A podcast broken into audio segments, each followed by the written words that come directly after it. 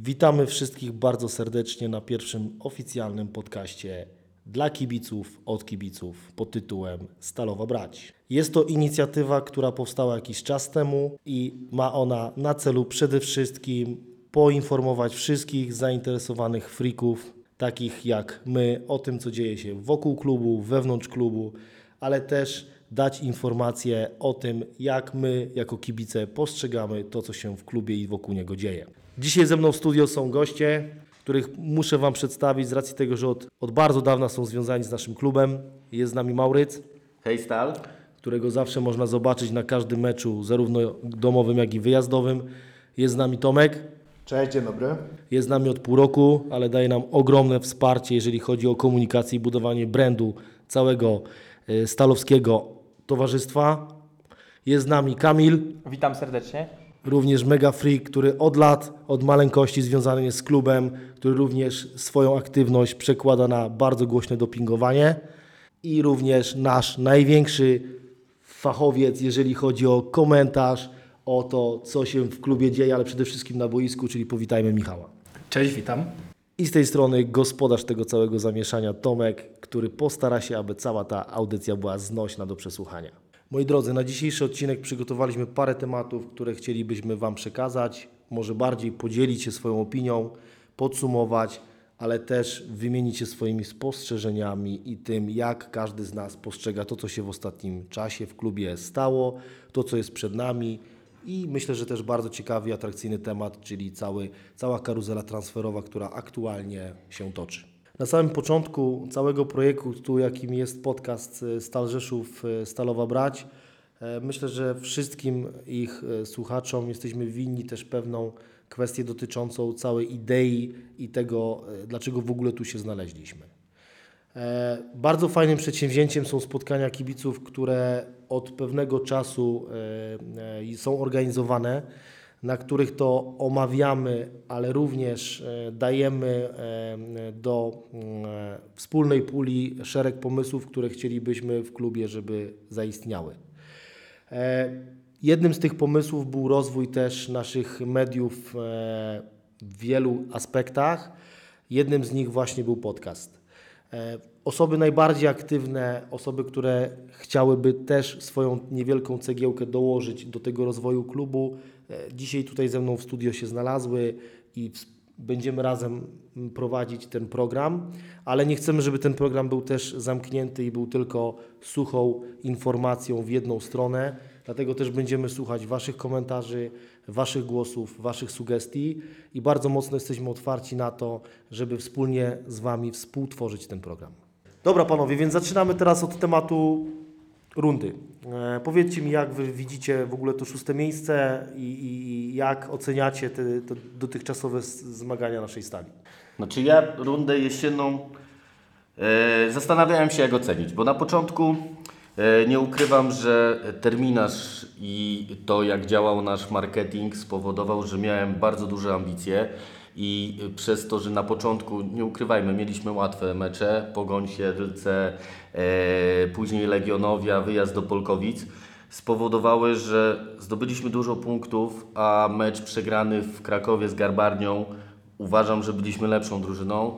E, jak gdyby napompowaliśmy ten balon i oczekiwania nam wzrosły, a musimy pamiętać o tym, że nasz budżet klubowy jest dopiero siódmym w lidze, a ambicje mieliśmy takie, jak jechaliśmy wszyscy do Łodzi, że jesteśmy liderem i tego lidera nie oddamy, a mam wrażenie, że nasza drużyna, która grała, nie ukrywajmy, trzecie, składem z trzeciej ligi, e, na to pierwsze miejsce na razie po prostu nie zasługuje. Jesteśmy drużyną, e, ter, tak jak teraz zajęliśmy szóste miejsce, uważam, to jest miejsce adekwatne do tego, co osiągnęliśmy. Kamil, a Ty co o tym sądzisz? No ja podzielam tu zdanie Maurycego. Terminarz ułożył się tak, że faktycznie początek był, początek był e, mocny dla nas. E, Podobnie, podobnie uważam, że mecz z Garbarnią był raczej wypadkiem przy pracy i tutaj ta przegrana. Ale te nasze oczekiwania, mocno rozbudzone awansem z trzeciej ligi, uważam, że są również podyktowane tym, że w końcu widzimy, że w klubie zaczęło się dobrze po prostu dziać. Na każdej płaszczyźnie, na płaszczyźnie marketingowej, na płaszczyźnie e, szeroko pojętego managementu, tak? I na płaszczyźnie również y, sportowej. No, nie, niewątpliwie e, w końcu, po tym, po tym wieloletnim marazmie i po wyrwaniu się z trzecioligowej, szarej rzeczywistości i, i tej naszej czwartej grupy, gdzie tułaliśmy się tyle lat na szczebel centralny, no, mm, no jest to duże osiągnięcie. No.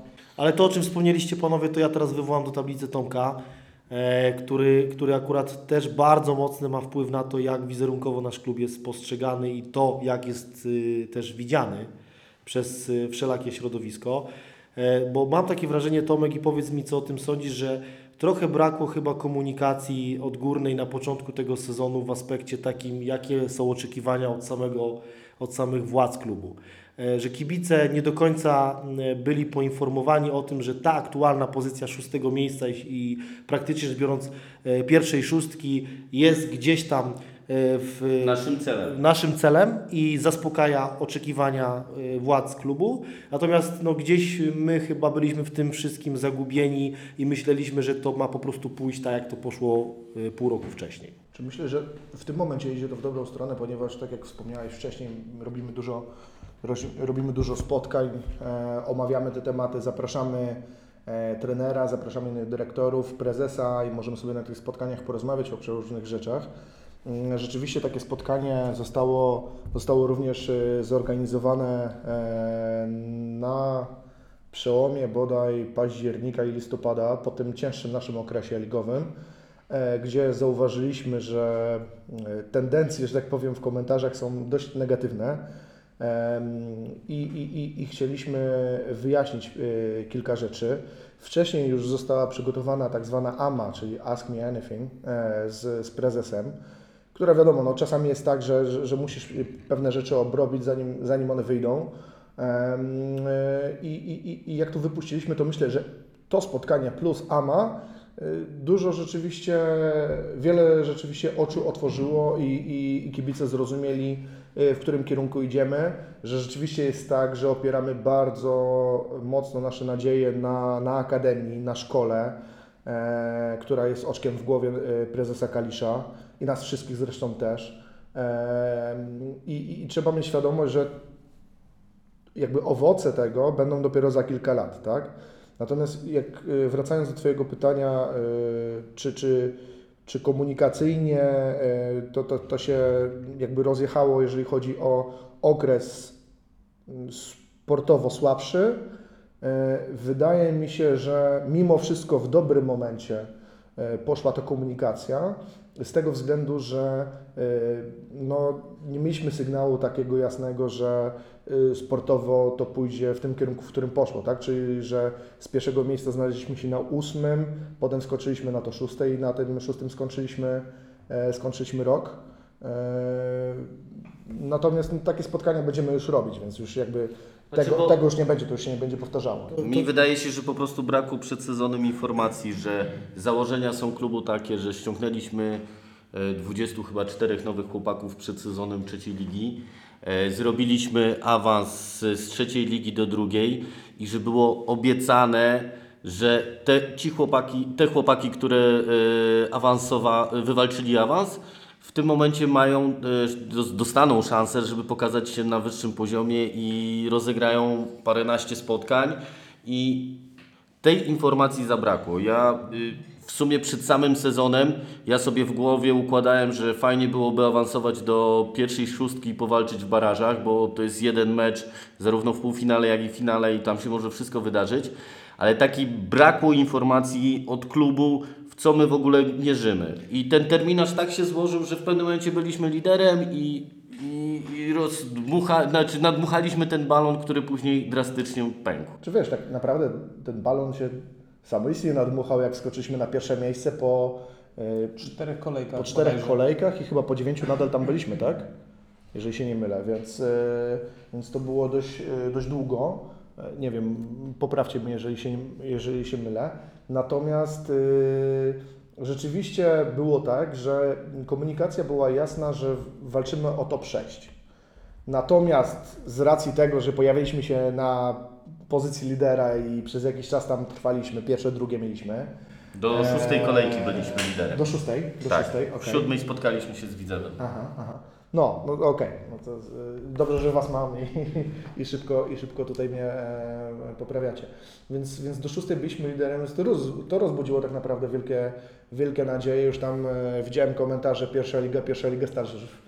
On no, oczywiście, że jeżeli walczymy o top 6, to walczymy o pierwszą ligę, to bez dwóch zdań. Natomiast y, skupiamy się na tym, że no, pamiętajmy wszyscy, że Stal jest y, Beniaminkiem tej ligi. E, Tak jak powiedziałeś Mauryc, y, y, zarząd i dyrektor sportowy zrobili coś moim zdaniem i, i jakbym nawet to, wiadomo, nie jestem w tym momencie jak, jakiś super obiektywny, bo, bo jakby pracuję tutaj, żyję stalą, e, oddycham stalą. E, Natomiast y, starałem się jakoś obiektywnie to ocenić. No to jest przemega sprawa, że zarząd, że, że dyrektor sportowy daje szansę chłopakom, którzy wywalczyli drugą ligę, zagrać w tej drugiej lidze. No to, to, to się jakby rzadko zdarza, bo najczęściej jest tak, no wywalczyli, ale oceniamy, że no może nie pociągną tego poziomu, jaki byśmy, może inaczej, nie pociągną poziomu, nie dojdą do pewnego poziomu, który byśmy chcieli i, i robi się z takimi zawodniki, z zawodnikami szybki out. A tutaj jednak dali im zagrać, co było fajne. To rzeczywiście komunikacja później poszła, tak? To po, powiedział o tym prezes Wama, powiedział, powiedzieli o tym e, na, na pierwszym spotkaniu i prezes, i dyrektor, i trener. E, No i myślę, że teraz jest ten moment y, właściwy, e, jak się tutaj spotykamy na, na to, żeby, żeby już teraz, już teraz można wymagać tego szóstego miejsca. Szóste miejsce było fajnym osiągnięciem, a teraz należy go wymagać. Znaczy, ja myślę e, w ogóle, że przed startem sezonu, gdyby ktoś nas zapytał, czy będziemy zadowoleni z szóstego miejsca, to bez wątpienia siedzimy tu w pięciu i chyba każdy z nas powiedziałby, że tak. E, oczekiwania i nadzieje zostały rozbudzone mocnym początkiem, potem nieco zeszliśmy na ziemię, ale też trzeba powiedzieć, że brakło nam w tej rundzie szczęścia. E, w wielu meczach. W wielu meczach, no e, chyba, chyba mecz z Gryfem Wejherowo był takim meczem, który mam najbardziej taką- to pokazał. Ja mam taką Statystycznie to litanię, się... powiem Ci, Garbarnia, Olimpia Elbląg, Znicz Znicz Pruszków, Pruszków, Gryf. Ale Gryf pokazał ale- najdobitniej, bo była ta okazja ostatnia w 95 chyba minucie, dobrze mówię, i poprzeczka. Tak, ale panowie, no Gryf jakby statystycznie nie mieliśmy prawa przegrać tego meczu. Myśmy mieli, już nie pamiętam w tej chwili dokładne, dokładnej liczby, ale tam było kilkanaście strzałów na bramkę. To było I wbrew ile, i ile rzutów rożnych? Nie 20 oszukujmy, chyba. Nie oszukujmy się, Gryf odstaje z- od tej ligi, e, żeby nie powiedzieć, że to są ogórki, 10 punktów na, e, nie wiem, 19 meczów, to, no, to jest bardzo słaby wynik i z takimi drużynami, jeżeli aspirujemy do pierwszej szóstki, powinniśmy wygrywać u siebie, zwłaszcza, nie wiem, 5-0. Możemy stracić jakąś e, bramkę przypadkową, ale to wygrajmy to 5-1, a nie, że się męczymy i przegrywamy E, 1-0. Ja tak trochę podsumuję, bo, bo galopujemy i skaczemy z wątku na wątek. Bez wątpienia najważniejszym aspektem, myślę, w każdej dobrze działającej organizacji, czy jest to sportowa, czy jakakolwiek inna, jest podstawą jest zawsze komunikacja. I tu myślę, że e, apel do władz naszego klubu, żeby przed każdą rundą czy przed sezonem bardzo mocno e, wyartykułować to, jakie są cele klubu sportowe stawiane przed zawodnikami. E, bo myślę, że wtedy nam kibicom będzie bardziej, będzie, będzie lepiej do tego się mm, ustosunkować, ale może złego słowa użyłem, może nie dojdzie do sytuacji takiej, kiedy te ambicje będą różne e, w środowisku kibicowskim czy, i, i, i zawodowym, klubowym, tak? To jest pierwsza rzecz. Druga rzecz, e, no tutaj bym też chciał, żebyśmy parę słów powiedzieli odnośnie naszego stylu gry, e, który też z tego, co ja obserwuję na forach, wzbudza wiele kontrowersji, zarówno bardzo pozytywnych, jak i negatywnych. I myślę, że też warto tutaj powiedzieć, że jest to też pewne założenie, które idzie od władz klubu, mówiący o tym, że mamy grać ofensywny futbol na tak, e, mamy być zespołem, który dominuje, który gra piłką e, i e, mimo tego, że jesteśmy na poziomie jeszcze e, niecentralnym, e, to już taki styl jest wdrażany. Oczywiście na papierze jest to poziom centralny, ale umówmy się, druga liga, patrząc z perspektywy poziomu sportowego całej Europy, jest to praktycznie jeszcze poziom no, za niski jak na ten klub, tak? Natomiast y, tu chciałbym też Michała zapytać, jak z punktu widzenia komentatora i tego, jak obserwuje i wiele meczy miał okazję również y, swoim głosem e, ocenić, to, to chciałbym zapytać, jak Ty na, tym, na przestrzeni tej ligi y, widzisz tą naszą grę i ten styl? E, Ja styl Stali Rzeszów od momentu, kiedy zaczął e, drużynę trenować trener Janusz Niedźwiedź.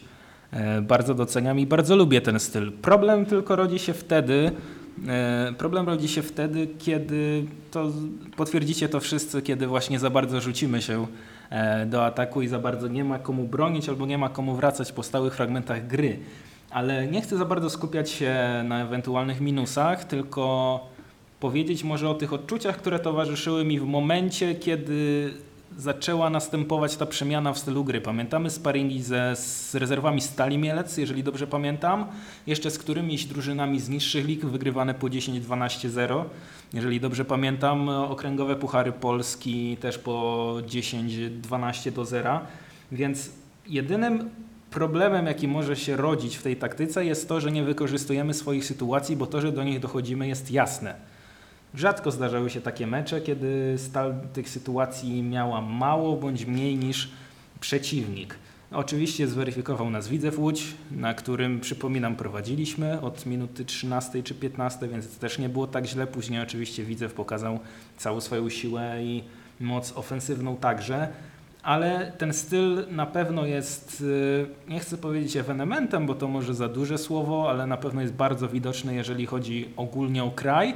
I skupmy się także na tej młodej szkole trenerów, do których zresztą należy trener Janusz Niedźwiedź, także Artur Skowronek chociażby, były trener Stali Mielec, a aktualnie Wisły Kraków. Są to trenerzy zdecydowanie nastawieni na grę ofensywną, na to, żeby ten futbol wyglądał, na to, żeby kibic nie tylko był ucieszony z tego, że jego drużyna wygrywa, ale także z tego, że robi to w jakimś stylu, że ma jakieś DNA, na którym według mojej opinii kibicowi powinno zależeć i kibicowi na pewno zależy. Oczywiście rodzą się wątpliwości co do tej gry wtedy, kiedy wyniki są takie jak z Gryfem Wejherowo, kiedy tracimy bramki właśnie po tym za mocnym rzuceniu się do ataku, ale myślę, że to wszystko jeszcze wymaga czasu. Ten okres, nazwijmy to półtora sezonu, od momentu, kiedy ten styl został zaimplementowany w drużynę stali, to nadal nie jest długi okres. To wszystko jeszcze wymaga czasu. Dajmy sobie jeszcze chwilę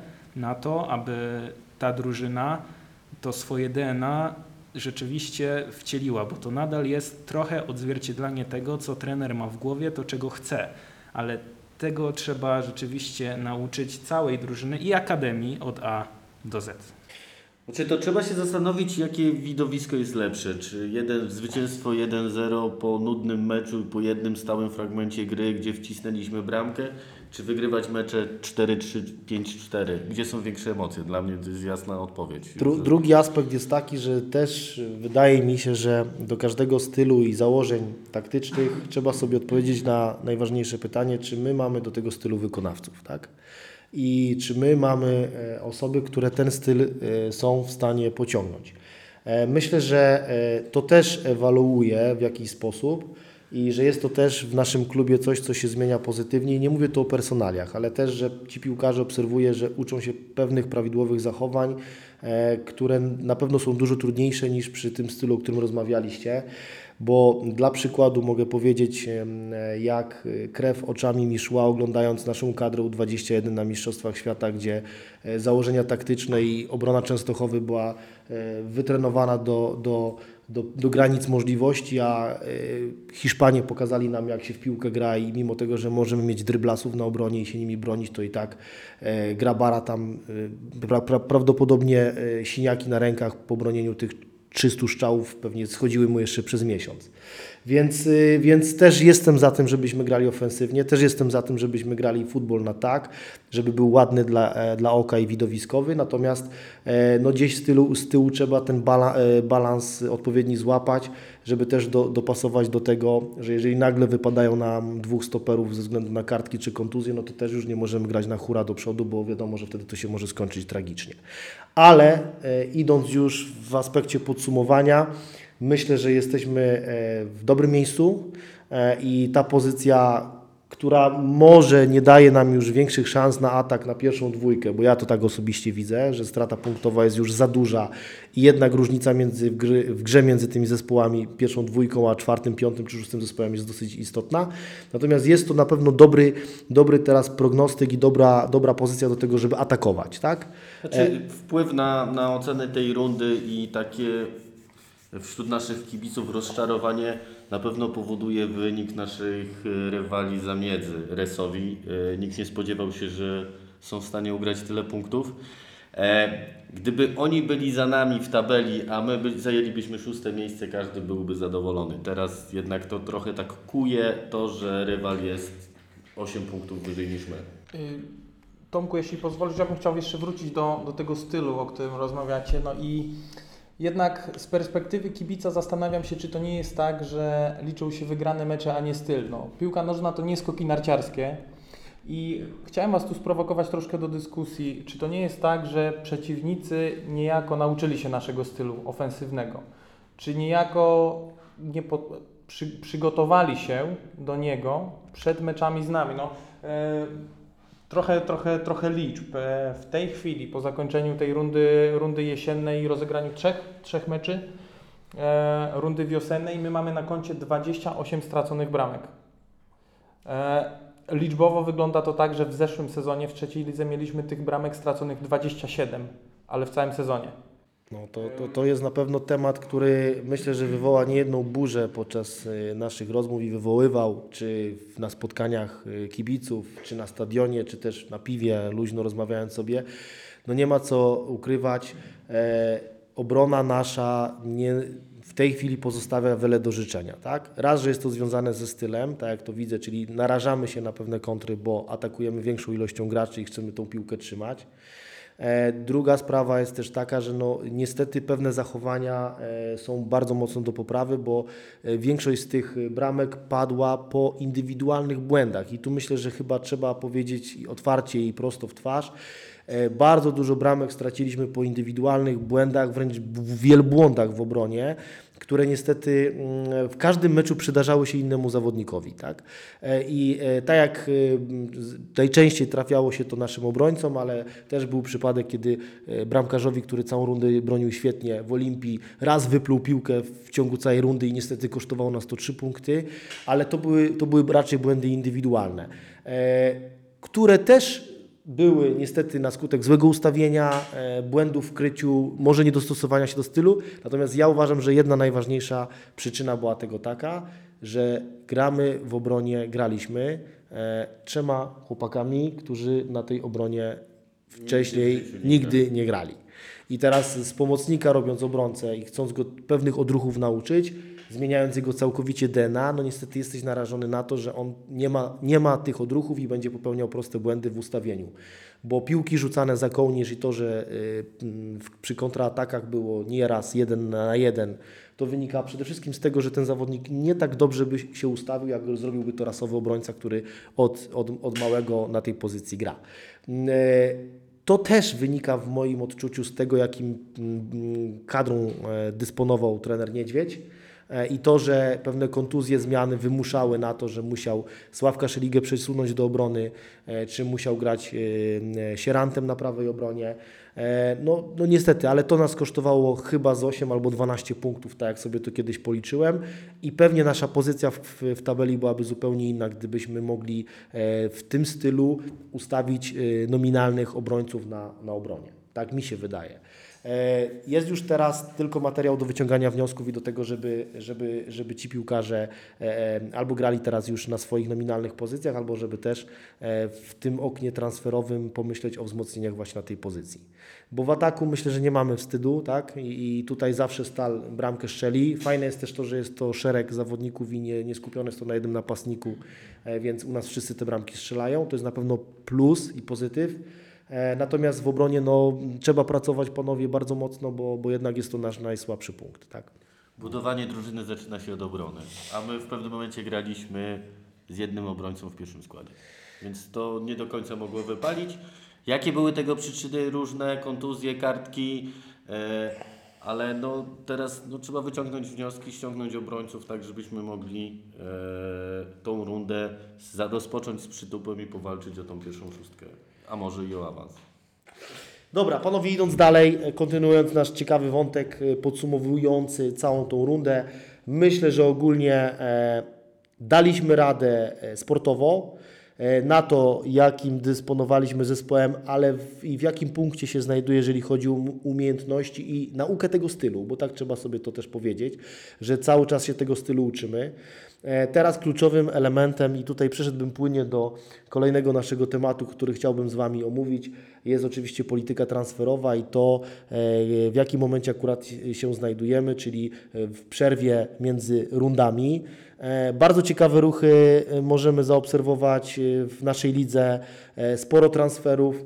E, Ja za bardzo nie chciałbym się skupiać na innych klubach, bo e, myślę, że to nie na tym rzecz polega. Chciałbym, żebyśmy sobie wspólnie porozmawiali o tym, jak na dzień, e, początek lutego, jak możemy skomentować obecną sytuację kadrową. Zacznę może, zacznijmy może Tomku od tego, jak oceniasz nasze odejścia i to, co się zadziało z zawodnikami, głównie związanymi z, wcześniej z Podhalem Nowy Targ.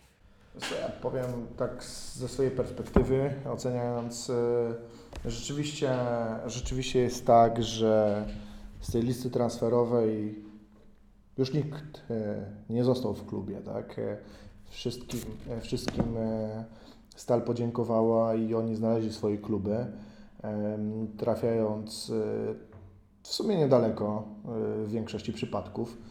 E, więc będziemy mieli ich okazję oglądać jeszcze w tej lidze lub, lub śledząc e, e, wyczyny Błażeja Cyferta w Wiśle Puławy w trzeciej lidze. Em, Myślę, że, myślę, że to było potrzebne tak naprawdę. To były newralgiczne pozycje. E, oczywiście widziałem też e, głosy e, sprzeciwu wobec wytransferowania e, Płonki, e, no ale pamiętajmy, e, Tomek Płonka, lat 34, e, ok, król strzelców w zeszłym sezonie, teraz borykał się e, z kontuzją, z urazem, e, wrócił do treningów, e, trener ocenił, że nie daje aż tyle jakości, żeby dostać odpowiednią ilość minut. Obecnie został, od razu odniosę się do tego, kto go zastąpił, tak? no bo przyszedł też król strzelców z zeszłego sezonu. Jeżeli się nie mylę, to tyle samo bramek strzelił co Tomek e, w innej lidze, tak? E, Bo, bo W innej grając grupie, w w innej innej grupie, grupie e, strzelił w tej samej lidze. 31 bramek, więc Tak. strzelił zdecydowanie więcej niż Płona u nas, bo No. Płona strzelił 19 bramek, z tego co pamiętam. Albo 20 nawet. Ciężko się dziwić też, że za Tomkiem naprawdę była rzesza fanów, która była przeciwna jego odejściu, bo sam osobiście bardzo darzyłem sympatią tego zawodnika i tak jak kiedyś w rozmowie z Kamilem, który słusznie zauważył, że był to zawodnik, który chyba najlepiej w naszym zespole potrafił grać tyłem do bramki. Tak? E, każda piłka na Tomka e, nie była stracona i Tomek czy głową, czy klatką, czy przyjęciem prostym potrafił z przeciwnikiem na plecach tą piłkę przytrzymać, odegrać i, i coś z tej akcji było. E, Natomiast no tak, no, jeżeli popatrzymy na cyfry, jeżeli popatrzymy na perspektywy i na to, że musimy gdzieś ten zespół budować, już myśleć w perspektywie nie pół roku do przodu, ale rok, półtorej do przodu, no to też, też yy, gdzieś na końcu świeci się ta lampka, że musimy już stawiać na młodszych, bardziej perspektywicznych zawodników. Nie? No wiesz, młodszych, no, Pieczara nie jest dużo młodszy od Tomka, tak? Jest e, pewnie trochę innym typem napastnika. Myślę tu o Arturze Pląskowskim, który, który myślę, że chyba największa tam kontrowersja, a może nie kontrowersja, tylko porównanie zawsze, bo jest to, są to napastnicy, którzy są o podobnej charakterystyce, budowie i grze, więc myślę, że tutaj kibice bardzo mocno zastanawiali się, czy to powinien Artur, czy Tomek odejść od naszego klubu, e, więc, więc tutaj ja również też dokonałbym tego wyboru, bo, bo gdzieś tam z tyłu głowy zawsze patrzę, że za 2-3 lata my cały czas z Artura możemy mieć pociechę i może być on aktywnym zawodnikiem, który e, strzela mnóstwo bramek. Tomek byłby już u schyłku kariery i na wyższym poziomie mogłoby to być dla niego już po prostu za dużo, tak? No ja myślę, że wielu z kibiców e, jakby na początku nie mogło się pogodzić z tymi decyzjami ze względu na to, że e, są po prostu wdzięczni tym zawodnikom. No, myślę, że tutaj podcast to jest dobry moment też, żeby powiedzieć im dziękuję Tak jest. e, za grę, bo bądź co bądź dołożyli niesamowicie dużą cegiełkę, a może wręcz cegłę do tego awansu w zeszłym sezonie. I tu myślę głównie właśnie o Tomku i, e, i e, Dominiku Chromińskim. Obecnie zawodnikami już Stali Stalowa Wola, więc będziemy mogli chłopaków jeszcze oglądać e, w, w meczu w Stalowej Woli.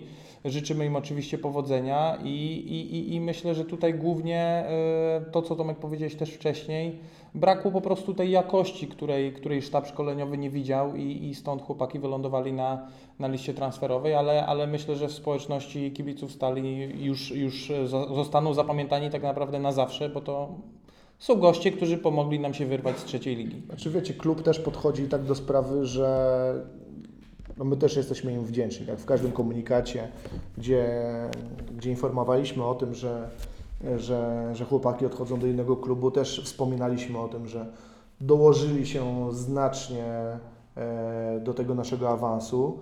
Natomiast ja chciałbym się jeszcze odnieść do tego, Tomek, co mówiłeś e, o tym, zaznaczając, że e, wielu z nich odeszło, tych, którzy akurat przyszli z Podhala Nowy Targ.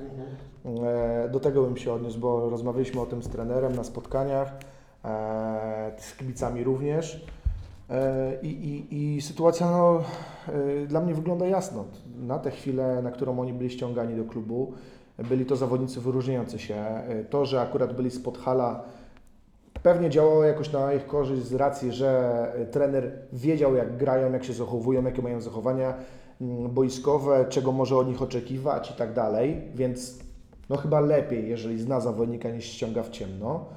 A, a dwa, no y, pamiętajmy, że no przyszli z Podhala, które do końca z nami walczyło o awans. Wcześniej też dobrze się w nim mm, sprawowali, więc no to nie było tak, że ściągnął swoich znajomych i, i co, ściągnął swoich znajomych i nie awansowaliśmy?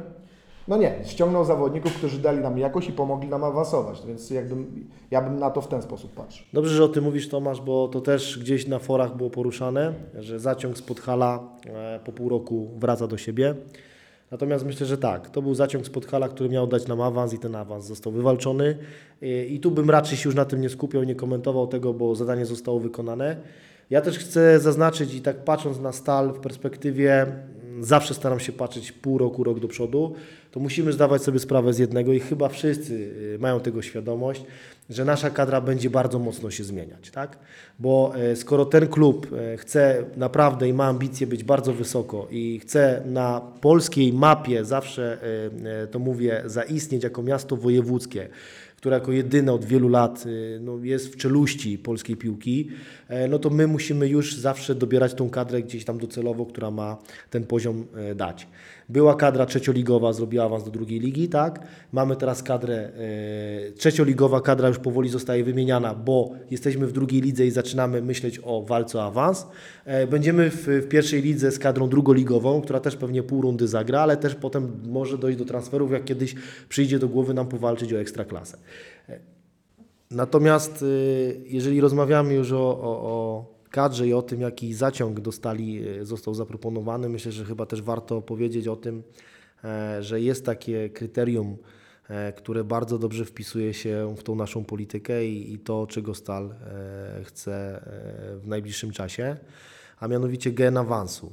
E, Bardzo ciekawą statystykę w naszej rozmowie e, tutaj kiedyś Tomek przytoczył i, i opowiedział o zawodnikach, którzy do nas przyszli e, w, w temacie ich historii tego, w czym się specjalizowali do tej pory. Tomek, dwa Tak, tak, to jest właśnie ten gen awansu, o którym mówisz. y, Przy czym to nie jest tak, y, że to są tylko ci, którzy przyszli teraz, w tym okienku, ale w ogóle. Jakby patrzeć na skład potencjalnie, który mógłby być wystawiony. Y, Jest ok, Wiktor, tak? Potem mamy, czyli Kacz- Kaczorowski, potem mamy Roberta Cznadla, który wywalczył awans z drugiej do pierwszej ligi z Odrą. Potem jest Kostek, awans z trzeciej do drugiej z Widzewem i Stalą. E, Potem jest Góra, który z pierwszej awansował tak naprawdę z drugiej do pierwszej i z pierwszej do ekstraklasy Z Rakowem. z Rakowem Częstochowa, potem jest Głowa, awans ze Stalą z trzeciej do drugiej, E, powiedzmy, że Kłosik, tak, albo e, nie wiem, kogo tu mu mamy, mm, mógłby być równie dobrze Szczepanek, który Szczepanek. wywalczył, e, wywalczył swój awans tam z okręgówki chyba do czwartej. E, Potem jest Szeli, który wywalczył awans do Ekstraklasy z Krakowią. E, Kotwica, jeżeli, jeżeli teraz by przyszedł, to to jest awans z drugiej do pierwszej z Puszczą, Rejman awans z trzeciej do drugiej ze Stalą, Michalik awans z trzeciej do drugiej z Polonią Bytom, e, Pieczara, to jest w ogóle e, pół, pół Pieczara, pół awans, no to jest e, trzy razy awans z drugiej do pierwszej, także pokładamy w nim nadzieję, że będzie takim, no skoro trzy Że razy będzie już zro- czwarty raz. że będzie, że będzie po raz czwarty awans, awans z, z tej drugiej do pierwszej. z drugiej do pierwszej i, i, i no nie ma co ukrywać, że, że ci faceci mają ten gen awansu i, i, i my na to liczymy. Też jak, jak pytałem, e, pamiętam w wywiadzie, e, wywiadzie e, Łukasza Górę, który teraz do nas dołączył, go pytałem, czy, czy uważa, że ten że te kwestie związane z awansem, tak, które się pojawiają w ich karierach, w ich CV, mają jakiś w ogóle mm, wpływ, jakieś nie wiem, przełożenie na to, co może się wydarzyć? Powiedział jak najbardziej, no w końcówce to może przeważyć, bo my, ci, którzy już awansowali, wiedzą jak jest i to może rzutować na ostatnie mecze, tak, pozytywnie oczywiście. Wpływać, nie rzutować, a wpływać pozytywnie na ostatnie mecze w sezonie. No i na to liczymy, no to, to ostatnie mecze w sezonie e, to są, no, może nie będę wymieniał wszystkich, 30, wide- 30, 31 maja gramy ze Skrą Częstochowa o godzinie 17 na naszym stadionie ostatni mecz w lidze. Jeżeli ten mecz, panowie, byłby takim meczem jak z Podhalem, to ja bym w tym momencie już e, gęsią skórkę. No oby, oby, ale idąc dalej, jeżeli chodzi o, o, o transfery i o te ruchy, mm, Michał, powiedz mi, jak Ty oceniasz e, dotychczasowe nasze zakupy? E, Czy my jako kibice powinniśmy być z nich zadowoleni i, i czy ta wymiana pewnej kadry e, pozwoli nam spokojnie patrzeć w przyszłość na następną rundę? Myślę, że przyszłość na następną rundę mamy spokojną, bo chociażby wspomniany transfer Łukasza Góry do linii obrony już wskazuje, że sztab szkolenia widzi to samo co my, czyli że to, co już wspomnieliśmy chociażby na początku tego podcastu, że o ile w, co do linii pomocy i ataku nie mamy jakichś większych pretensji, o tyle w obronie widać było wyraźnie mm, pewne braki. I tutaj liczę właśnie na Łukasza, który swoim doświadczeniem, chociażby też pierwszoligowym, jak i tym genem awansu, o którym wspominaliśmy z Rakowem Częstochowa, dołoży swoją cegiełkę do tego, aby ta obrona stała się jakimś murem. Może nie, nie do przejścia, ale chociażby takim, który będzie zapewniał bezpieczeństwo, jeżeli chodzi o ataki Stali Rzeszów, bo tutaj także nawiązując do tego, o czym mówiliśmy, ten styl gry, tego bezpieczeństwa w tyłach zdecydowanie wymaga. Także jak y, widzieliście pewnie w sparingu, w którym grał Łukasz, Łukasz ma, widzę w nim coś takiego, taką zdolność do rozgrywania tej piłki, która jest w tym stylu gry niezwykle potrzebna, czyli taki luz, takie zauważenie tego partnera, który jest dobrze ustawiony nieco wyżej od niego, przez co to przyspieszające podanie może, może tę akcję yy, nieco przyspieszyć i rozciągnąć.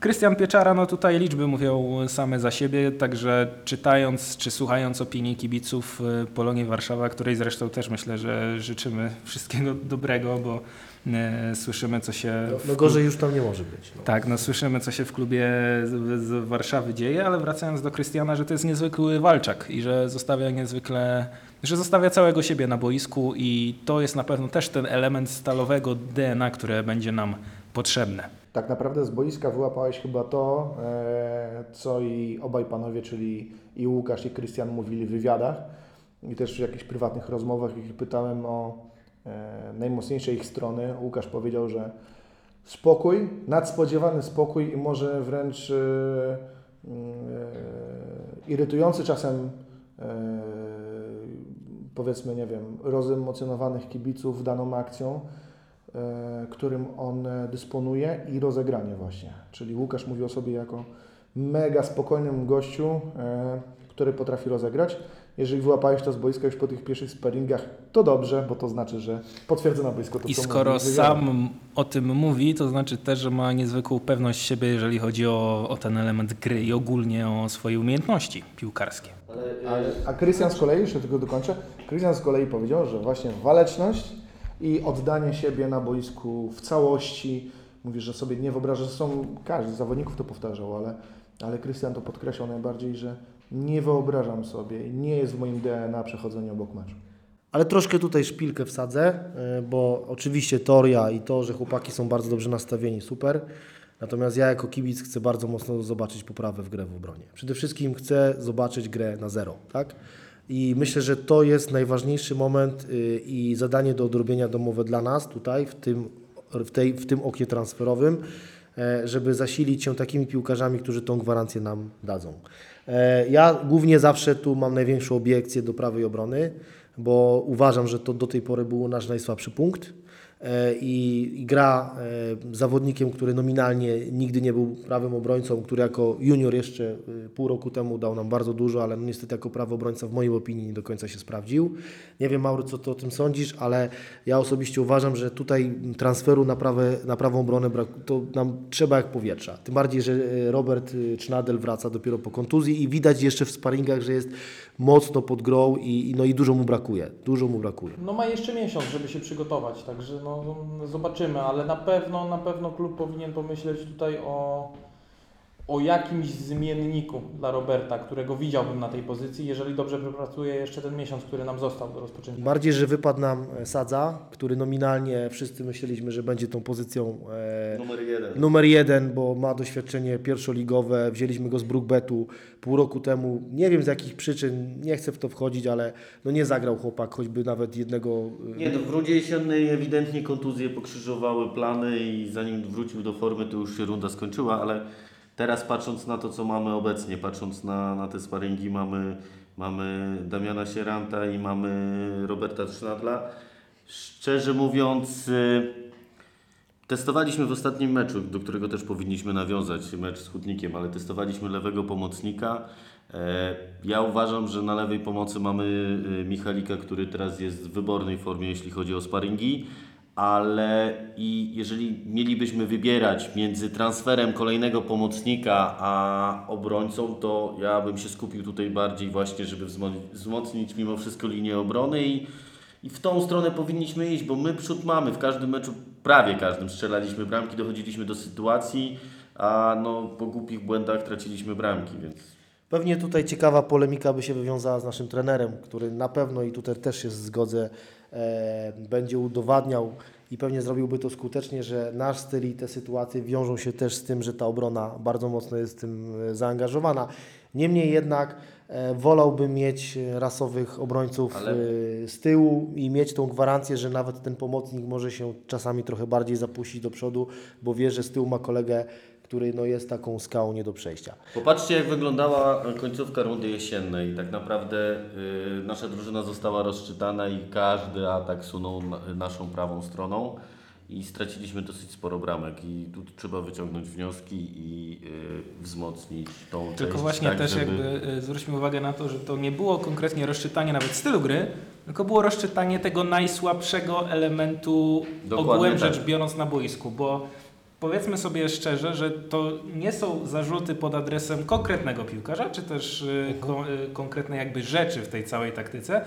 To są y, jakby efektem tego stanu rzeczy jest po prostu kontuzja Roberta Trznadla i to, że, ten, że ta prawa strona, Ale która kontuzja Sadzy również. również tak, Z prawej strony mimo wszystko na każdej, w każdym meczu grał młodzieżowiec w pomocy i inaczej wygląda lewa strona, gdzie mamy głowę, który wcześniej nie grał na obronie, ale y, uzupełnia się moim zdaniem najpewniejszy punkt obrony w rundzie jesiennej, ale ma przed sobą seniora Michalika czy wcześniej Chromka. I ta współpraca y, układ, wyglądała dosyć, spo, dosyć dobrze, a tutaj mamy nie dość, że z prawej strony młodzieżowca, to jeszcze mamy obrońcę, który Zaznaczył- wcześniej nie grał na tej pozycji po prostu. Zaznaczyłbym jeszcze, że na lewej stronie mamy jeszcze Darka Jareckiego, który zawsze jak wejdzie robi czasami więcej e, pożytku na tej lewej stronie niż przez 70 minut piłkarz, którego e, zastęp, zastępował. E, I tutaj czy Darka byśmy ustawili na lewej obronie, czy na lewej pomocy, tutaj mamy myślę, że mocną stronę i, i o to bym się nie bał. Testowany zawodnik nowy, super, aczkolwiek podpisuje się naprawdę każdą moją kończyną pod tym, że jeżeli byśmy drugiego Głowackiego mieli na prawej stronie, to byłoby to na pewno dużo, dużo lepsze. No dobra panowie, to już mamy e, pierwsze nasze opinie. E, Myślę, że one są dosyć spójne. Wiemy, gdzie potrzebujemy wzmocnień. E, skomentowaliśmy też nazwiska i też może e, pozycje, które odeszły od nas w tym, w, tym, e, w tym oknie, ale do tego bym nie chciał wracać, bo to, co się już wydarzyło, jest za nami i ci zawodnicy już nie wrócą. Bardzo dziękujemy za grę i za zaangażowanie to, że przyczynili się do tego, że klub jest w tym miejscu, jakim jest. Natomiast przejdźmy sobie dalej, no bo tak, przyszedł do nas Łukasz Góra, oczywiście transfer bezapelacyjnie na plus i myślę, że Łukasz da tą jakość i e, będzie wsparciem na, na, na tym stoperze e, razem z Kostkiem, czy może z Sylwestrzakiem zrobią tą solidną e, zaporę. Zgadzam się, Łukasz też jest tym tematem do rozegrania i takim wyjścia, bo w, w, w Kostku nie widziałem tego genu takiego rozegrania od tyłu, tak? E, bardziej to było granie do boku i to, żebyśmy nie stracili tej piłki. E, no ale idąc dalej, mamy juniorów, no, mamy do, świeży zaciąg z naszej Wulczanki, tak? Klub satelicki, partnerski, e, który nam myślę, że w przyszłości też będzie dostarczał ciekawych zawodników, albo też będzie miejscem do ogrywania się przez zawodników, którzy nie do końca w tej kadrze się łapią. Tak, już jest i też za to wielkie dzięki kierujemy pod Przeworsk, bo, bo myślę, że ta współpraca nam tylko wyjdzie na dobre.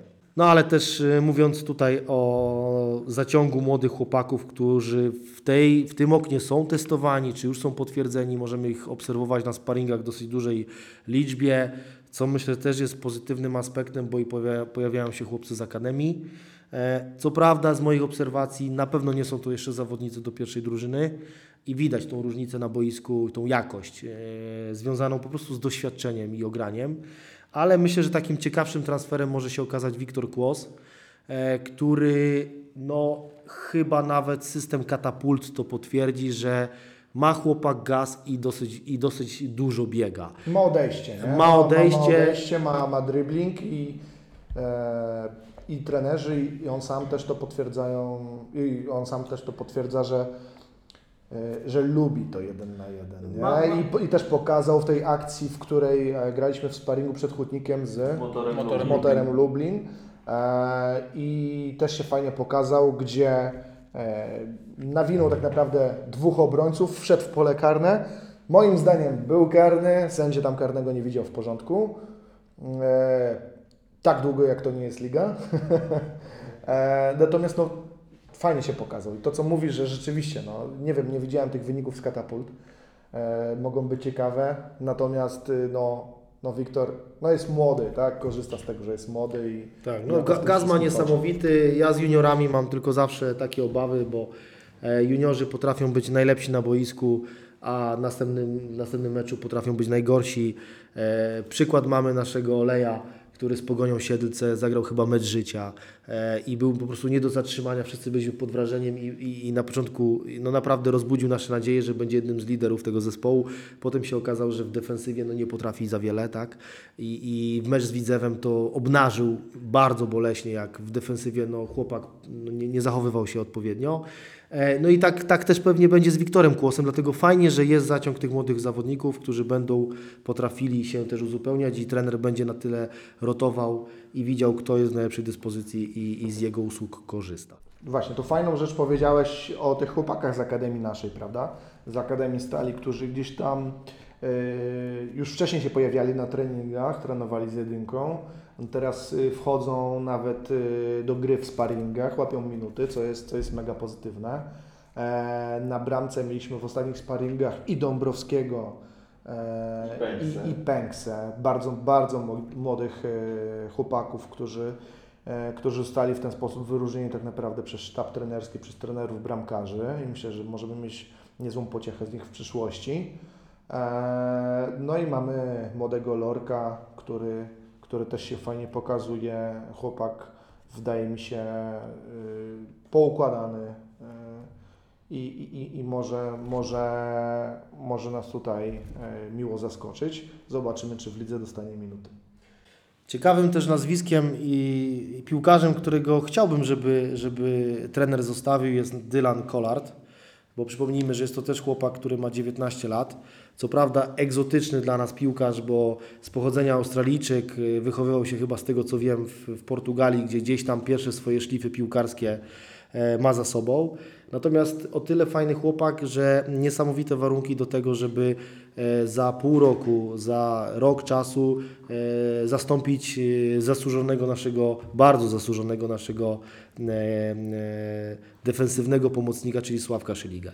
E, Obserwując go na treningach mam wrażenie, że ma to coś, e, ma fajny timing, e, ma warunki, e, ma spokój też z piłką, e, umie rozegrać, nie boi się też driblingu. Podkreślmy to, ma 2 metry, chłop ma 2 metry wzrostu, a jest mega technicznym zawodnikiem. Bardzo mobilny, co zresztą też e, trener Janusz Niedźwiedź ostatnio po, po, po, po sparingu z Hutnikiem podkreślił. No, widać, widać, że no, ma chłopak papiery na grę. Tak, ale potrzebuje czasu. Nie, nie, musimy nie, dać mu po prostu czas. E, On będzie się podejrzewam ogrywał, e, dostanie minuty w tej rundzie, jestem przekonany, ale takie, takie solidne wzmocnienie i pewny punkt to za może rok czasu. Tak, ja myślę, że to jest piłkarz, który w kadrze powinien być, natomiast y, nie patrzmy na niego e, z perspektywy tu i teraz, bo na dzień dzisiejszy chyba nawet jeszcze fizycznie nie jest przygotowany do tego, żeby grać. E, I, ale, ale uważam, że, że jest to nasza taka przyszłość, która jeżeli u, uda się go zatrzymać w Rzeszowie, to, to będziemy mieć z jego, z niego pociechę. Natomiast panowie, no transfery, patrzmy teraz na tu i teraz, czyli cały czas rozmawiajmy o tych zawodnikach, którzy z marszu potraf, będą potrafić za miesiąc e, pomóc drużynie w tym, żeby być jeszcze lepszą. E, I tu wracam cały czas do tego, że jeszcze chciałbym, żeby to okno już dla nas finalnie się nie, za, nie zamknęło, żebyśmy jeszcze w tym okresie tak naprawdę okna, które się dopiero e, rozpoczęło, bo oficjalnie jest ono od 1 lutego, e, mogli się pochwalić tym, że jeszcze ja, jakościowi piłkarze do naszego grona e, dołączą, bo na pewno to będzie tylko na plus, a jak ktoś by popatrzył na bilans tego, kto odszedł, a kto przyszedł, może mieć też takie wrażenie i ciężko się z tym też nie zgodzić, że e, no, łatamy, łatamy, łatamy dziury, tak? bo pozbyliśmy się dosyć dużego zaciągu piłkarzy e, i, i, i gdzieś te zmiany powinny być naturalne, natomiast fajnie, że grają młodzi, fajnie, że się ich wprowadza, fajnie, że mamy e, nazwiska i testowanych zawodników, ale no, za miesiąc powinni oni już być, e, finalna kadra powinna być już przygotowana do sezonu i do tego, żeby we Wronkach już te trzy punkty zdobyć. Nie? Ja wciąż liczę jednak mimo wszystko, że w tej rundzie zasili nas e, Marcel Kotwica. Specjalnie śledziłem ostatnie sparingi Puszczy Niepołomice i w sobotnim meczu nie zagrał ani minuty. E, mam nadzieję, że e, to oznacza, że Puszcza po prostu już się pogodziła. Że puszcza, puszcza. Że puszcza, miałem to powiedzieć. puszcza i y, że Marcel przyjdzie do nas y, i zagra z nami na wiosnę. I mam nadzieję, że to na samym y, Marcelu się nie skończą transfery i że jeszcze wzmocnimy linię obrony. E, Ale fajnie, że wspomniałeś o tym zawodniku, bo myślę, że to był priorytet nasz transferowy i, i tutaj to jest zawodnik, który na pewno dałby dużo jakości nasz, na- naszemu Trzeba podkreślić, że to był kapitan Puszczy Niepołomice w rundzie jesiennej, czyli y, to świadczy o tym, że to był lider tego, tej drużyny. Dobrze, Puszcza może broniła się przed spadkiem, ale to jest poziom wyżej. Dalej się broni. E, ma doświadczenie. Uważam, że takiego zawodnika nam brakuje i wniósłby na pewno spokój w rozgrywanych akcjach, a też on jest gra na pozycji defensywnego pomocnika, więc może pomóc właśnie w tej grze obronnej. Tym bardziej pamiętajmy, że runda może jest i krótsza, bo większość meczy została rozegrana e, do tej pory. Natomiast pamiętajmy, że przydarzą się kontuzje, kartki e, i e, dosyć wąsko i bez zmienników do tej pory graliśmy na kluczowej pozycji, jaką jest rozgrywający. I tu jest taka też moja duża obawa, bo Wojtek, jeżeli ma słabszy dzień albo jeżeli go w ogóle nie ma na boisku, to też e, ta gra trochę inaczej wygląda. E, Sławek Szeliga też już młodszy nie będzie i też będą zdarzały mu się kontuzje. Zresztą widać, jak parę razy zawsze na każdym meczu e, biedny zwija się z bólu, bo, bo po prostu już ta regeneracja organizmu nie jest pewnie taka. No i, no i tutaj też musimy o tym myśleć, że właśnie w tym meczu, o którym wspomniałeś ze Skrą, możemy nie mieć całego, całej kadry w pełnej zdrowiu albo też wykartkowaną, więc tu e, w kulminacyjnym momencie sezonu e, my musimy mieć ludzi, którzy nawet z szerokiej ławki jak wejdą, oni będą dać też ta, taką samą jakość. E, Dlatego tutaj też no, jako kibice bardzo byśmy sobie tego życzyli, żeby jednak ta kadra była szersza zarówno w, w, w obronie, jak i w pomocy, bo o napad się akurat dziwnie nie, nie, nie, nie martwię, bo mamy w tej chwili do dyspozycji e, trzech e, zawodników, więc zawsze czy dwo, dwójką czy jednym napastnikiem to jakoś uda się skleić.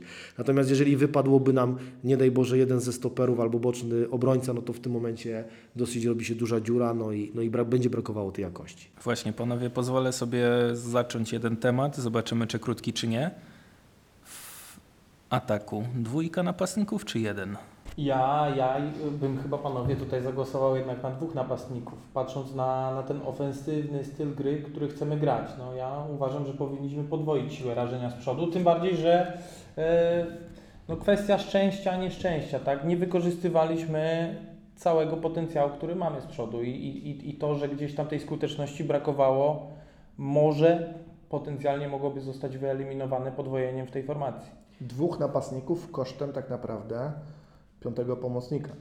Tak. Eee, Ale nie oszukujmy się, jeżeli Marcel Kotwica do nas nie przyjdzie e, na wiosnę, bo też może się tak wydarzyć, to grając z pięcioma pomocnikami, to my w tym momencie skazujemy się na to, że na ławce rezerwowych nie mamy odpowiedniego poziomu, który mógłby wejść w tej 60-70 minucie i coś zmienić. Znaczy Maurycy, y, problem jest taki, grając na pięciu napastników, e, Pomocników. e, pomocników, przepraszam, o to taka nowa formacja, grając, grając na pięciu pomocników, e, jest to, na co narzekamy, na, narzekamy oglądając każdy mecz czy ostatnimi czasy sparring. Nie ma decyzji, by uderzyć za pola karnego. My na siłę chcemy wejść do bramki. Brakuje tej decyzyjności. E, Znaczy uważam, że genu grając- zabójcy, tak? Genu zabójcy, tak, dokładnie. My chcemy grać ładnie, my chcemy tą piłkę niemal wprowadzić do bramki, my boimy się czasami uderzyć. Tutaj y, jednak kosztem tego piątego pomocnika wrzuciłbym zawodnika do formacji. y, Zawsze musimy pamiętać, No tak. jeżeli decydujemy się e, zagrać e, dwoma, pomo- e, dwoma napastnikami, to mamy tylko czterech do pomocy do wprowadzenia i jeżeli wypada nam bramkarz kaczorowski, młodzieżowiec, a jest wymóg dwóch młodzieżowców w lidze, to dwóch młodzieżowców musimy mieć wtedy w pierwszym składzie w linii pomocy lub obrony. I na kogo byście się wtedy zdecydowali, skoro gramy dwoma, Znaczy- dwoma napastnikami i Bieszczadem na Ja, ja uważam, że błędnym założeniem z naszej strony jest ustalenie kadry na całą rundę. Bo nie wierzę w to, że z GKS-em Katowice zagramy na wyjeździe z dwoma napastnikami, tylko uważam, że powinniśmy zagrać na jednego szybkiego napastnika i zagęścić środek. I podejrzewam, że tu będzie się rotowało i zależy od rywala, e, czy zagramy na dwóch napastników, czy na e, jednego.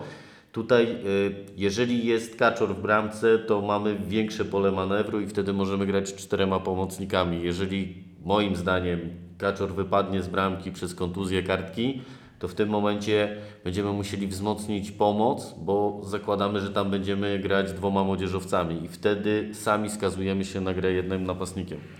E, Zdecydowanie podpisuję się pod tym. E, Taktyka będzie uzależniona od tego, z jakim rywalem będziemy grać i gdzie będziemy grać. E, Fajnie, że mamy to pole manewru, natomiast gdyby nam Kaczor wypadł z bramki, to myślę, że Szczepanek pokazał już niejednokrotnie, że na pozycji dziesiątki podwieszonego e, potrafi zagrać. Fajne piłki naprawdę wrzuca e, zaraz za kołnierz obrońcą i, i parę takich ciekawych akcji widzieliśmy. E, no i na boku wtedy najlepszy z, z dwójki kłos Olejarka pod warunkiem, że będzie Olej zdrowy, bo też, też ostatnimi czasy tych kontuzji trochę łapie. Natomiast nominalnie uważam, że grając u siebie, grając o pełną pulę, powinniśmy wyjść dwójką naj, najlepszych napastników na dany dzień, tak? E, Z prawym, szybkim, e, młodym chłopakiem na, na, na prawej stronie e, i grać swoje, bo nie ukrywam, że Stal ma swój styl wypracowany i, i ta gra kombinacyjna powinna nam towarzyszyć. E, ale zgadzam się tutaj z Kamilem, też czasami e, delikatnie, delikatna irytacja na, na, e, podczas meczu również we mnie się budzi, jeżeli widzę, że my naprawdę chcemy do tej bramki po prostu wjechać, tak? Za szesnastki też potrafią chłopaki uderzyć, więc, więc powinniśmy te sytuacje czyste, klarowne po prostu kończyć. Co pokazał z motorem głowa, lutując Dokładnie. taką bramę, że aż szkoda, że nie wszyscy to mogli widzieć. Także w odpowiedzi, Michał, na Twoje pytanie, dopasowywu, dopasowywujemy grę do przeciwnika, do tego, czy gramy na wyjeździe u siebie. I fajnie, że widziałem, że może również Pieczara grać z Gonzo razem, mimo że mają bardzo podobną e, charakterystykę.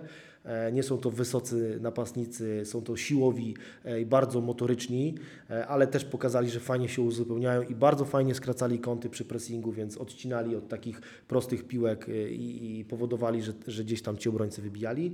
Natomiast nie zapominajmy, że mamy Artura, który ma też ten gen znajdowania się przy bram, pod bramką i jest też wysokim zawodnikiem, potrafi grać głową, więc w sytuacji, kiedy będziemy bronić się i, i, i nastawiać się na stałe fragmenty, no to wtedy Artur też na pewno się w polu karnym przyda. No i płynnie możemy przejść do tego, co myślimy o przyszłości, czyli o rundzie wiosennej w naszym wykonaniu. Tylko przypomnę, że więcej meczów zagramy na wyjeździe, bo tak się ułożył terminarz. Zatem, czy będzie miało to jakikolwiek wpływ na grę Stali Rzeszów? Ten fakt, że więcej spotkań zagramy nie na swoim boisku oraz co po prostu przewidujecie? Czy utrzymamy się w tej szóstce, czy zmienimy w niej swoją pozycję? Bo wszyscy wiemy, że ta pozycja potem decyduje o ustawieniu w tej y, czwórce barażowej. Czy może jednak uda nam się powalczyć o bezpośredni awans? E, Tutaj bym zachował skrajny optymizm, bym e, tutaj e, chciał. Prowadził. Nie, nie, właśnie nie chciałbym tego wprowadzać, bo trzeba też mierzyć siły na zamiary. E, przy obecnej kadrze i przy tych ruchach transferowych, które obserwuję, myślę, że mm, możemy spokojnie myśleć o tym, żeby tą szóstkę utrzymać. E, I tak bym do tej rundy podchodził. E, Wypadnięcie z szóstki będzie, mm, myślę, poniżej wszystkich oczekiwań i będzie rozczarowaniem i trzeba sobie zdać z tego sprawę i powiedzieć to otwarcie. Natomiast pamiętajmy też, że są zespoły tak jak Stalowa Wola, która zrobiła rewolucję kadrową i w sparingach czesze wszystkich, e, aż naprawdę miło patrzeć. No i zagrają u siebie 11 meczy na 14. i, I to jest ogromny handicap na swoim nowym, ładnym stadionie, gdzie też z przyjemnością na pewno e, będzie nam obserwować poczynania naszej drużyny. Ale trzeba pamiętać, że Stalowa Wola będzie czarnym koniem tej rundy i, i będzie atakować na pewno nawet szóstkę.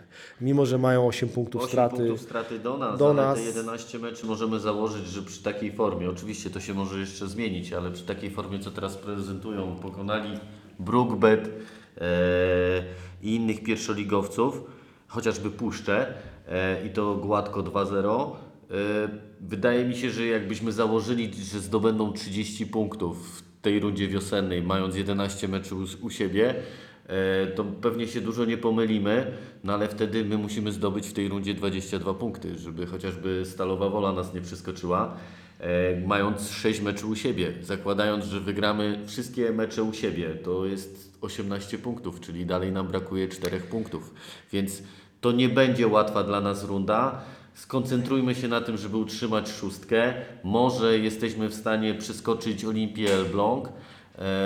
To dałoby nam piąte miejsce, ale tak patrząc szczerze, w samych tych barażach nic nie zmienia, bo nie, nie zakładałbym, że piąta i szósta drużyna nagle przejdą w półfinale drużynę trzecią i czwartą, więc to nic nie zmieni. Piąte, szóste miejsce. Ważne, żeby się znaleźć w tej szóstce. Trzeba pamiętać, że te baraże to jest jeden mecz, to, tam się może wszystko wydarzyć i możemy awansować. Znaczy tak naprawdę szóstka powinna być naszym celem, bo, bo e, patrząc e, na obecny stan rzeczy, jak wygląda tabela, to miejsca 7, 8, 9 to jest zaledwie, dziewiąte miejsce to zaledwie 3 punkty straty do nas. Panowie, 3 punkty to jest jeden mecz. To za chwilę Więc- możemy, wszystko się może zmienić po jednej Tak, kolejce. sytuacja tutaj będzie się, będzie się naprawdę e, rotować, podejrzewam co kolejkę. Tym bardziej Bytowia też yy, nie złożyła broni, mimo tego, że dochodziły do nas jakieś informacje o bardzo złej sytuacji finansowej w klubie. Yy, Ja nawet słyszałem o tym, że jest zagrożenie, że nie przystąpią do rozgrywek jesiennych. Natomiast yy, transfery Gostomski na bramce, bardzo doświadczony golkiper. yy, Z Widzewa yy, czarnoskóry piłkarz, który tam się nie łapał, ale Ameyong, ale bardzo szybki. E, Więc to też nie jest tak, że oni odpuścili, bo gdzieś tam widocznie pieniążki się znalazły. E, może postawili wszystko carte blanche, żeby zrobić wynik i wejść na poziom pierwszej ligi i pozyskać pieniądze z telewizji. Nie wiem. E, trzeba też przyznać, że Resowia na pewno będzie bardzo mocna e, i transfery, które poczyniła są myślę chyba też celowane i uzupełnią tylko ten skład. Także też będą bardzo mocnym przeciwnikiem. E, No y, i, i wszyscy ci, co są za nami, którzy też y, tak naprawdę patrzą z perspektywy jednego meczu, żeby się w tej szóstce znaleźć, więc, e, więc no myślę, że ja osobiście uważam, że koniec, na, koniec roku, na koniec sezonu zasadniczego szóste miejsce e, na, przy naszej obecnej kadrze i tym jak oglądam sparingi, jak widzę, to będzie, to będzie sukces. Tak? minimum. Minimum, ale też będzie to dobry wynik. Tak bym to powiedział. Znaczy, najważniejszy będzie początek rundy, bo y, mamy ciężki wyjazd do, do Wronek z, z drugą drużyną Poznania. E, nie wiemy, jakim składem zagrają. Wprawdzie w tym dzień wcześniej e, Lech Poznań gra w Białymstoku, ale to nie przeszkadza, żeby ci, co się nie załapali do meczu w Ekstraklasie, nagle nie zagrali u siebie w dwójce. Dlatego ten mecz podejrzewam, że będzie mega ciężki. Później mamy u siebie Polkowice. Polkowice, które Wygraliśmy na wyjeździe, ale naprawdę grają fajny futbol. Pod koniec rundy jesiennej e, zdobyli sporo punktów i y, pozostawili po sobie dobre wrażenie, e, więc ten początek rundy będzie ważny. E, Następny mecz po Polkowicach Elana Toruń. No to już wiemy, że to będzie mega ciężki mecz. Elana w tym momencie jest na dziesiątym miejscu, ale traci tylko do nas 4 punkty. Później ciężki u siebie mecz z Widzewem, y, który wszystko zweryfikują. Podejrzewam, że te 3-4 pierwsze mecze, jeżeli uda nam się wygrać w Poznaniu z Polkowicami, e, wywalczyć punkt w Toruniu, to wtedy o szóstkę byłbym spokojny. E, Gorzej, jeżeli przyjdą porażki, wtedy będzie nam naprawdę ciężko, bo później dopiero zaczyna się ciężki terminarz, bo mamy Katowice, mamy sąsiadów, mamy Widzew, Stalową Wolę na wyjeździe. Możemy tam naprawdę mało punktów ugrać, no i to będzie pełna weryfikacja, na co stać tą drużynę w, w rundzie wiosennej i jak na którym miejscu skończymy sezon. Tak naprawdę ten okres, o którym powiedziałeś na końcu, będzie okresem rewanżu wielkiego, bo we wrześniu i w październiku nie za specjalnie nam szło i, i te drużyny, które wymieniłeś, tak? Czyli czy, czy Widzew, od Widzewa w, zasadzie- w zasadzie mecze zaczynające się od Widzewa i trwające przez kolejny miesiąc e, będą meczami wielkiego rewanżu naszego i niestety w większości przypadków na wyjeździe. To, co powiedzieliście na początku. E, także z swojej perspektywy, z perspektywy drużyny, klubu w ogóle, em, myślę, że najważniejsze jest to, żebyśmy tu w domu byli mocni, a będziemy mocni, jeżeli będziemy grali w 12. A w 12 będziemy grali, jeżeli będziemy w stanie zapełnić e, trybuny i, i głośnym, mocnym dopingiem e, wspierać naszą, naszą drużynę.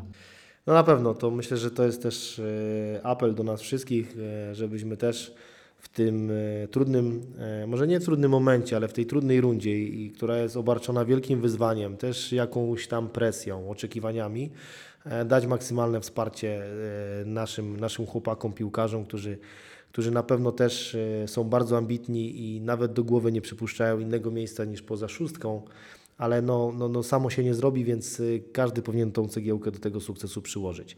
E, Nie zmieniając jednak faktu, że czeka nas naprawdę bardzo ciężka runda e, i byłbym tu umiarkowanym optymistą i, i patrzę na to bardzo e, mocno z perspektywy, no jeszcze raz powtórzę, tego jak będzie nasz finalnie skład wyglądał na, za niecały miesiąc. Marketingowo od razu dodam bilety.stalrzeszow.pl Tak, a ja zachęcę, a ja zachęcę z racji, z racji liczby wyjazdów i, i faktycznie rozgrywania tych meczów nie u siebie. Zachęcę wszystkich, e, żeby jednak za tą drużyną jeździli i te w tysiącach już teraz trzeba liczyć na szczeblu centralnym e, kilometry za swoją drużyną pokonywali, bo jednak e, wyjazdowy mecz i wsparcie kibica myślę, że dla drużyny ma, ma bardzo duże znaczenie. Pierwsza okazja już 29 lutego bądź 1 marca e, mecz we Wronkach z drugą drużyną Lecha. E, Szczegóły na Hetmańska 69 na Facebooku. E, tak, e, tym bardziej, że na forach też możemy poczytać, że na trybunach ma też się sporo dziać, e, pozytywnych e, zmian, e, o których może nie będę mówił tu na podcaście i zabierał e, albo wychodził Myślę, że, ja myślę, przed że, szereg. słuchaj Tomek, ja myślę, że podcast to jest e, dobre miejsce na to. E, nie wiem, czy nie osobny, e, natomiast rzeczywiście to tylko nadmienię, że, że dużo zmian, bardzo fajnych, pozytywnych, e, takich milowych wręcz kroków naprzód, bo, bo nie wiem, czy to już się dowiadywaliście, czy też nie, natomiast jeżeli nie, to się dowiadujecie w tym momencie razem z naszymi słuchaczami, odbiorcami podcastu. Będzie, będzie studio przedmeczowe. E, Wiadomo, że na trybunach też kilka zmian. E, Pojawi się nowy, e, nowy repertuar speakera. Zainwestowaliśmy masę czasu, żeby dopracować oprawę meczu za pomocą, za pomocą Telebimu. Także tutaj naprawdę, naprawdę sporo zmian i myślę, że i to, i to co na boisku, i po prostu ten biały żuraw na piersi tych wszystkich kibiców powinien na, na Hetmańską 69 już od 7 marca e, przyciągnąć. No i Tomek, to, to, to trzeba tylko zobaczyć, tak? E, Fajnie słyszeć, że jest tyle pozytywnych rzeczy, która w, w każdym elemencie w jakiś sposób się rozwija. Natomiast też wszystkich zachęcam bardzo gorąco do tego, żebyśmy wszyscy zobaczyli to na własne oczy, poczuli, przeżyli, dali wsparcie i czasami nawet stracili gardła e, i głosy, bo, e, bo, bo, bo chyba warto, a szykuje się naprawdę parę ładnych bitew e, w tej rundzie.